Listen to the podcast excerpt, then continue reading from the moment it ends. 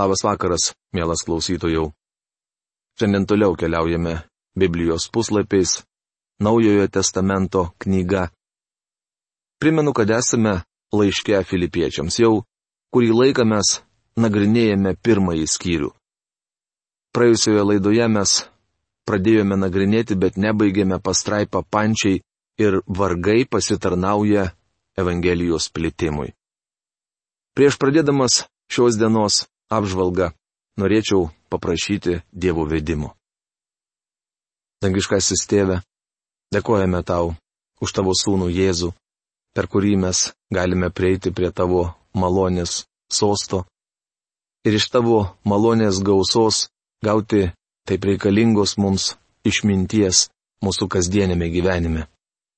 Dėkojame tau, kad tavo žodis yra suprantama šiandien tik tai per šventąją dvasę, kurią tu apgyvendini kiekviename tikinčiajame.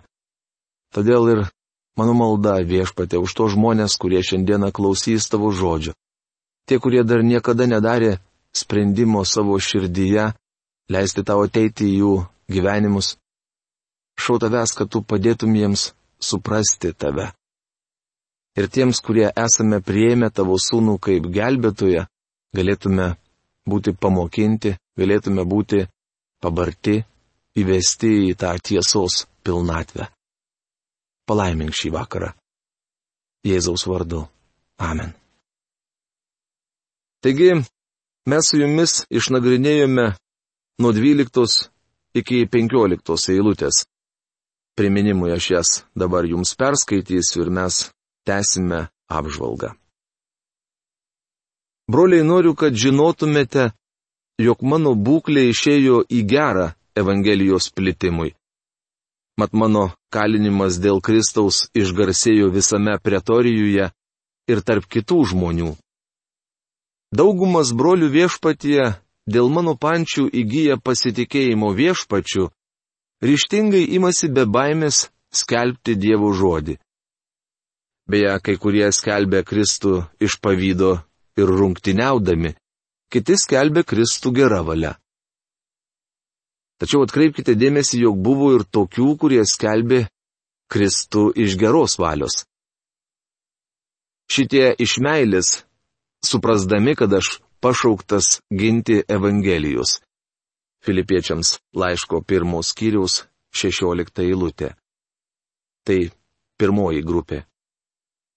O anie skelbė Kristų ne iš gryno nusistatymo, bet iš savanaudiškumo, tardamiesi pasunkinsia mano pančius.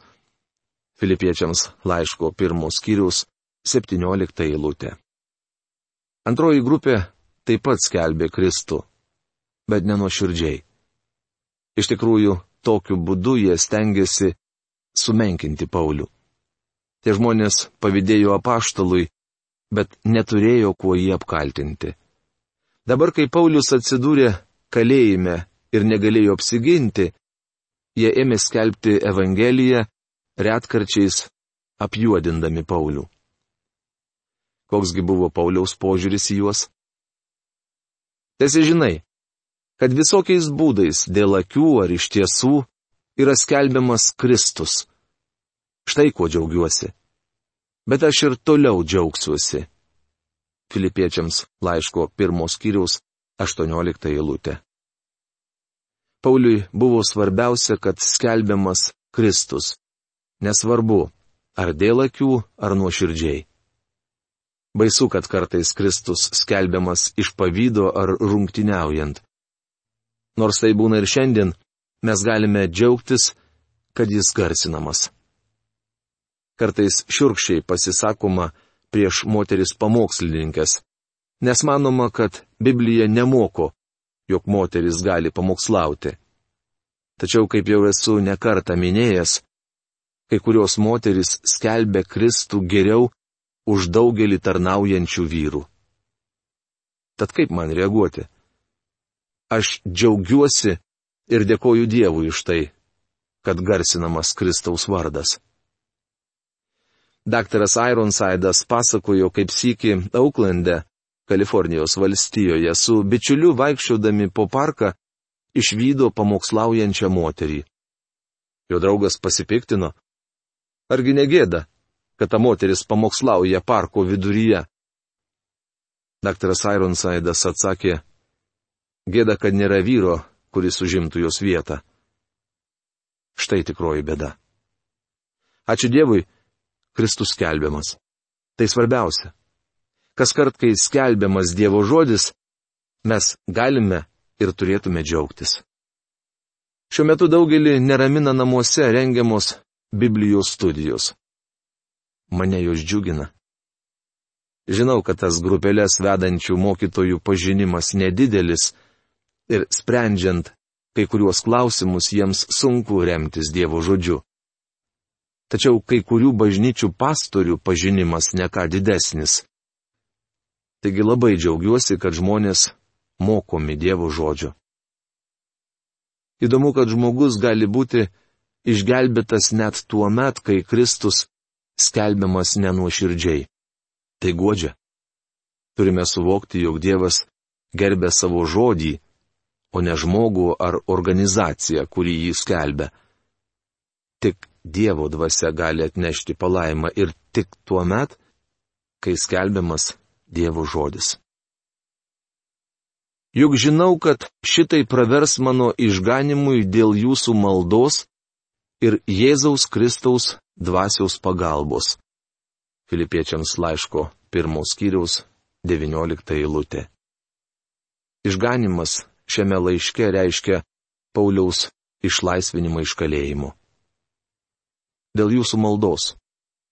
Žmonės klausia, kodėl prašiau visų melstis, kai gydytojai diagnozavo man vėžį.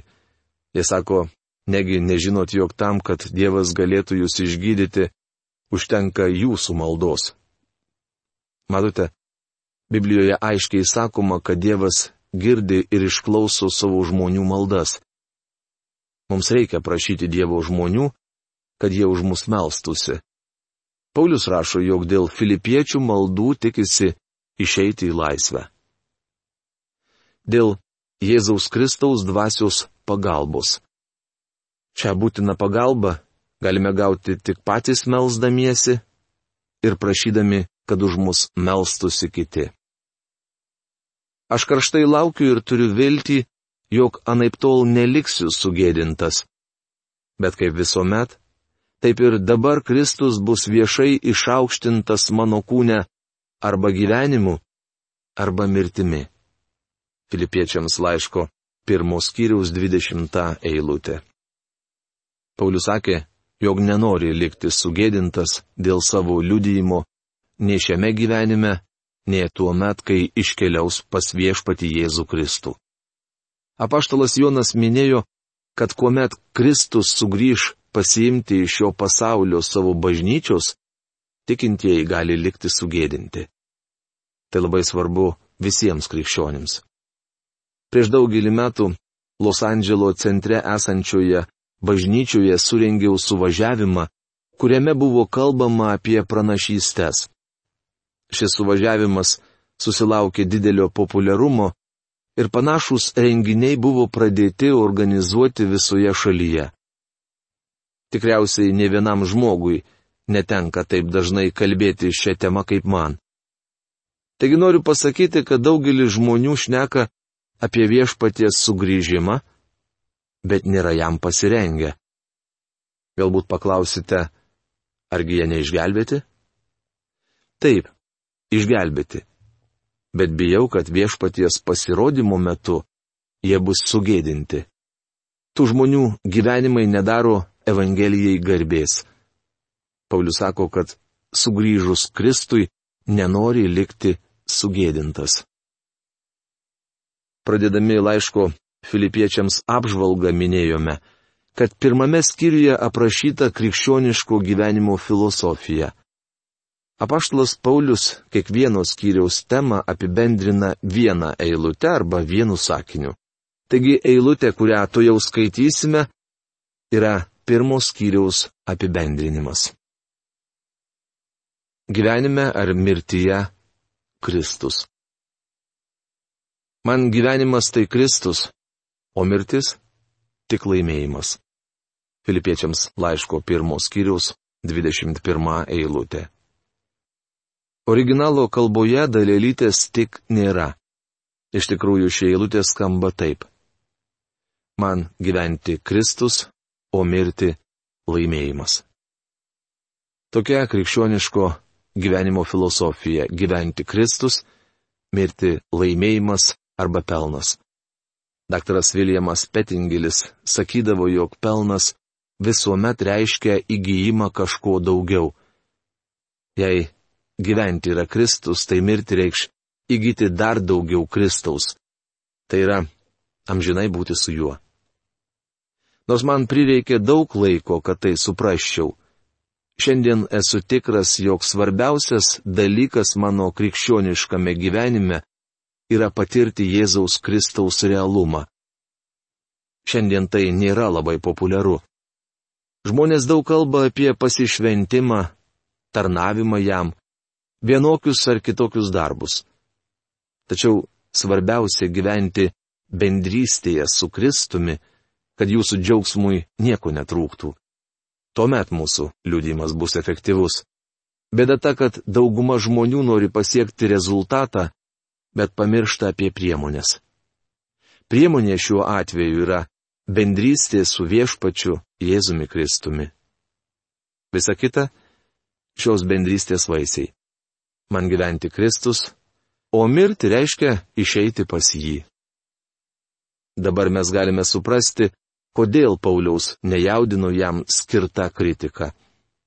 Neįmanoma pakengti žmogui, kuris gyvena bendrystėje su Jėzumi Kristumi.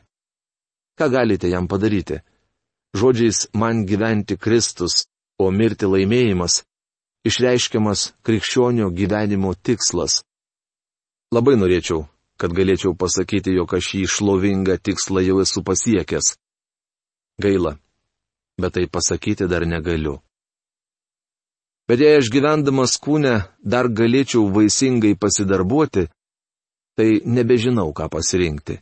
Filipiečiams laiško pirmos skyriaus 22 eilutė. Paulius nežinojo savo ateities, kaip mes su jumis nežinome savosios. Mes nežinome, ką atneš viena ar kita diena. Mane traukia ir viena, ir antra, nors verčiau man mirti ir būti su Kristumi, nes tai daug geriau o mano pasilikimas kūne reikalingesnis jums. Filipiečiams laiško pirmos kiriaus 23-24 eilutės. Paulius sako, jog nori ir iškeliauti pas viešpati, kas daug geriau, ir pasilikti su filipiečiais, nes yra jiems reikalingas. Kai man buvo atlikta pirmoji vėžio operacija, gavau vienos ponios laišką. Ji rašė, Žinau, jog visi meldžiasi, kad pasveiktumėte, bet aš meldžiuosi, kad viešpats pasiimtų jūs namo. Juk būti su Kristumi daug geriau, negu gyventi šioje žemėje. Aš jai atsakiau, gal leiskite viešpačiui spręsti. Aš noriu pasilikti. Noriu dar kurį laiką pagyventi žemėje, skelbdamas Dievo žodį. Dabar yra geriausias mano tarnavimo laikotarpis ir aš nenoriu visko palikti. Prašau Dievo, kad jis leistų man dar kurį laiką čia pabūti. Manau, taip jaustis Dievo vaikui normalu. Skaityta laiško filipiečiams atkarpa primena seną atsitikimą vienoje juodaodžių bažnyčioje. Sėki pamokslininkas paklausė, kas iš jūsų norite eiti į dangų? Rankas pakėlė visi išskyrus vieną mažą berniuką. Pamokslininkas paklausė jo, argi tu nenori į dangų? Šis atsiliepė. Žinoma, noriu, tik maniau, kad jūs ketinate iškeliauti dar šį vakarą. Mes visi norime į dangų, bet ne visi dabar pat. Taip įsitikinęs, aš žinau, jog liksiu ir būsiu su jumis visais jūsų pažangai ir tikėjimo džiaugsmui, kad jūs dar labiau galėtumėte pasigirti manimi Kristuje Jėzuje, kai vėl atvyksiu pas jūs. Filipiečiams laiško pirmos kiriaus 25-26 eilutės. Apaštalas labai praktiškas. Jis supranta, kad šiems žmonėms reikalingas tarnavimas. Paulius norėjo išeiti iš kalėjimo, kad vėl galėtų būti su Filipų tikinčiaisiais. Žmonės nuolat kartojantis, o kad viešpats greičiau ateitų, turėtų imtis darbo. Tik gyvendami žemėje galime atlikti darbų viešpaties garbiai, už kuriuos gausime iš jo atlygį. Tai scena, kurioje visi vaidiname savo vaidmenį. Aš noriu likti čia kiek įmanoma ilgiau. Esu pasižadėjęs viešpačiui mokyti jo žodžio tol, kol jis leis man gyventi šioje žemėje. Tik tai elkitės kaip dera besilaikantiems Kristaus Evangelijos, kad atvykęs pamatyčiau, o jei netvyksiu, išgirščiau, jo gyvenate vieną dvasę, visi kaip vienas kovojate už Evangelijos tikėjimą. Filipiečiams laiško pirmos skyrius 27 eilutė. Ne vien mūsų kalba, bet ir gyvensena turėtų pasitarnauti Kristaus Evangelijos labui. Gyvenate vieną dvasę, visi kaip vienas kovojate už Evangelijos tikėjimą. Labai svarbu, kad tikintys, garsindami Evangelijos žinę, būtų vieningi. Jei bažnyčia atliktų savo vaidmenį pasaulyje, pasaulis klausytųsi jos skelbiamo žinios. 27 eilutėje Paulius pavartoja žodį kovojate, kuris labai skiriasi nuo anksčiau šiame skyriuje pavartoto žodžio rungtiniaujate. Kovojimas susijęs su kentėjimu. Mes turime draugę kesti priešiškumą, kurį rodo žmonės Evangelijos tikėjimui. Ir ne iš tolo nesiduodate priešų išgazdinami. Jiems tai yra žlugimo ženklas, o jums išgelbėjimo. Ir jis Dievo duotas. Jums suteikta malonė dėl Kristaus ne tik jį tikėti, bet ir dėl jo kentėti. Filipiečiams laiško pirmos kiriaus 28 29 eilutės. Jei viešpats leidžia jums dėl jo kentėti, žinokite, jog esate pamalonintas, juk tai didis Kristaus Jėzaus pašaukimas. Kovojant tokią pat kovą, kokią matėte mane kovojant ir apie kokią dabar girdite, jog aš kovoju. Filipiečiams laiško pirmos kiriaus 30 eilutė. Paulius puikiai žinojo, ką reiškia kentėti dėl Kristaus. Kentėjimas dėl jo yra malonės ženklas. Tai nereiškia, jog Dievas nusigrėžė nuo jūsų. To baigiamas pirmas skyrius, kuriame aprašoma krikščioniško gyvenimo filosofija. Kaip jau minėjau, šis skyrių apibendrina viena eilutė. Man gyventi Kristus, o mirti laimėjimas. Filipiečiams laiško antras skyrius. Tema - krikščioniško gyvenimo pavyzdys. Skaitydami pirmą laiško filipiečiams skyrių aptarėme krikščioniško gyvenimo filosofiją. Jos esmę apaštalas Paulius išreiškė žodžiais - man gyvenimas tai Kristus, o mirtis tik laimėjimas. Kaip jau minėjome, Kristus buvo Pauliaus gyvenimo ašis. Analizuodami šį skyrių kalbėsime apie krikščioniško gyvenimo pavyzdį. Jis, kaip pamatysime, atitinka Kristaus nuostatą. Krikščioniškas gyvenimas negali būti grindžiamas mėgdžiojimu ar kartojimu. Dažnai girdžiu žmonės kalbant apie sėkimą Jėzumi, tačiau jų darbai netitinka žodžių. Tuomet noriu paklausti, ką jie turi omenyje tai sakydami. Ar tie žmonės bando mėgdžioti Jėzų? Sakydamas, kad Kristus yra krikščioniško gyvenimo pavyzdys, Paulius kalba ne apie mėgdžiojimą, bet apie suteikimą. Tai reiškia, mūsų nusistatymas turi būti toks kaip Kristaus. O tai įmanoma tik Dievo dvasios gale. Jau seniai supratau, jog ką bedaryčiau, visuomet padarau negerai, o tiksliau blogai. Mano bėda ta, kad esu stiprios valios žmogus linkęs vadovautis savo norais. Tačiau kas kartai darydamas suklumpu. Tuomet sakau, viešpatie, dabar esu pasirengęs leisti veikti tau. Nuostabu, kai jis eina priekyje. Mums reikia išmokti sėdėti ir stebėti, kaip veikia Dievo dvasia. Sakydamas, sėdėti neturiu omenyje, kad mes turime sėdėti sunėrę rankas ir nieko neveikti. Žinoma, turime daryti tai, ką Dievas yra pavedęs.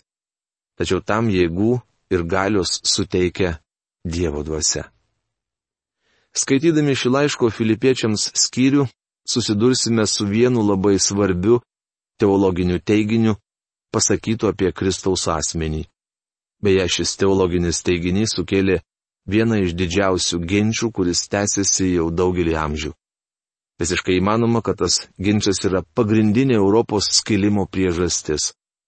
Jo esmę sudaro vadinamos kenosis teorijos paplitimas.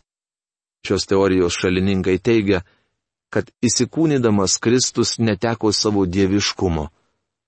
Antrame laiško filipiečiams skyriuje apaštalas Paulius aiškiai sako, jog jis anaip tol neprarado dieviškumo. Bet, mėlyji, tą temą nagrinėsime jau kitoje mūsų laidoje. O šios dienos laikas baigėsi. Iki greito sustikimo. Sudė.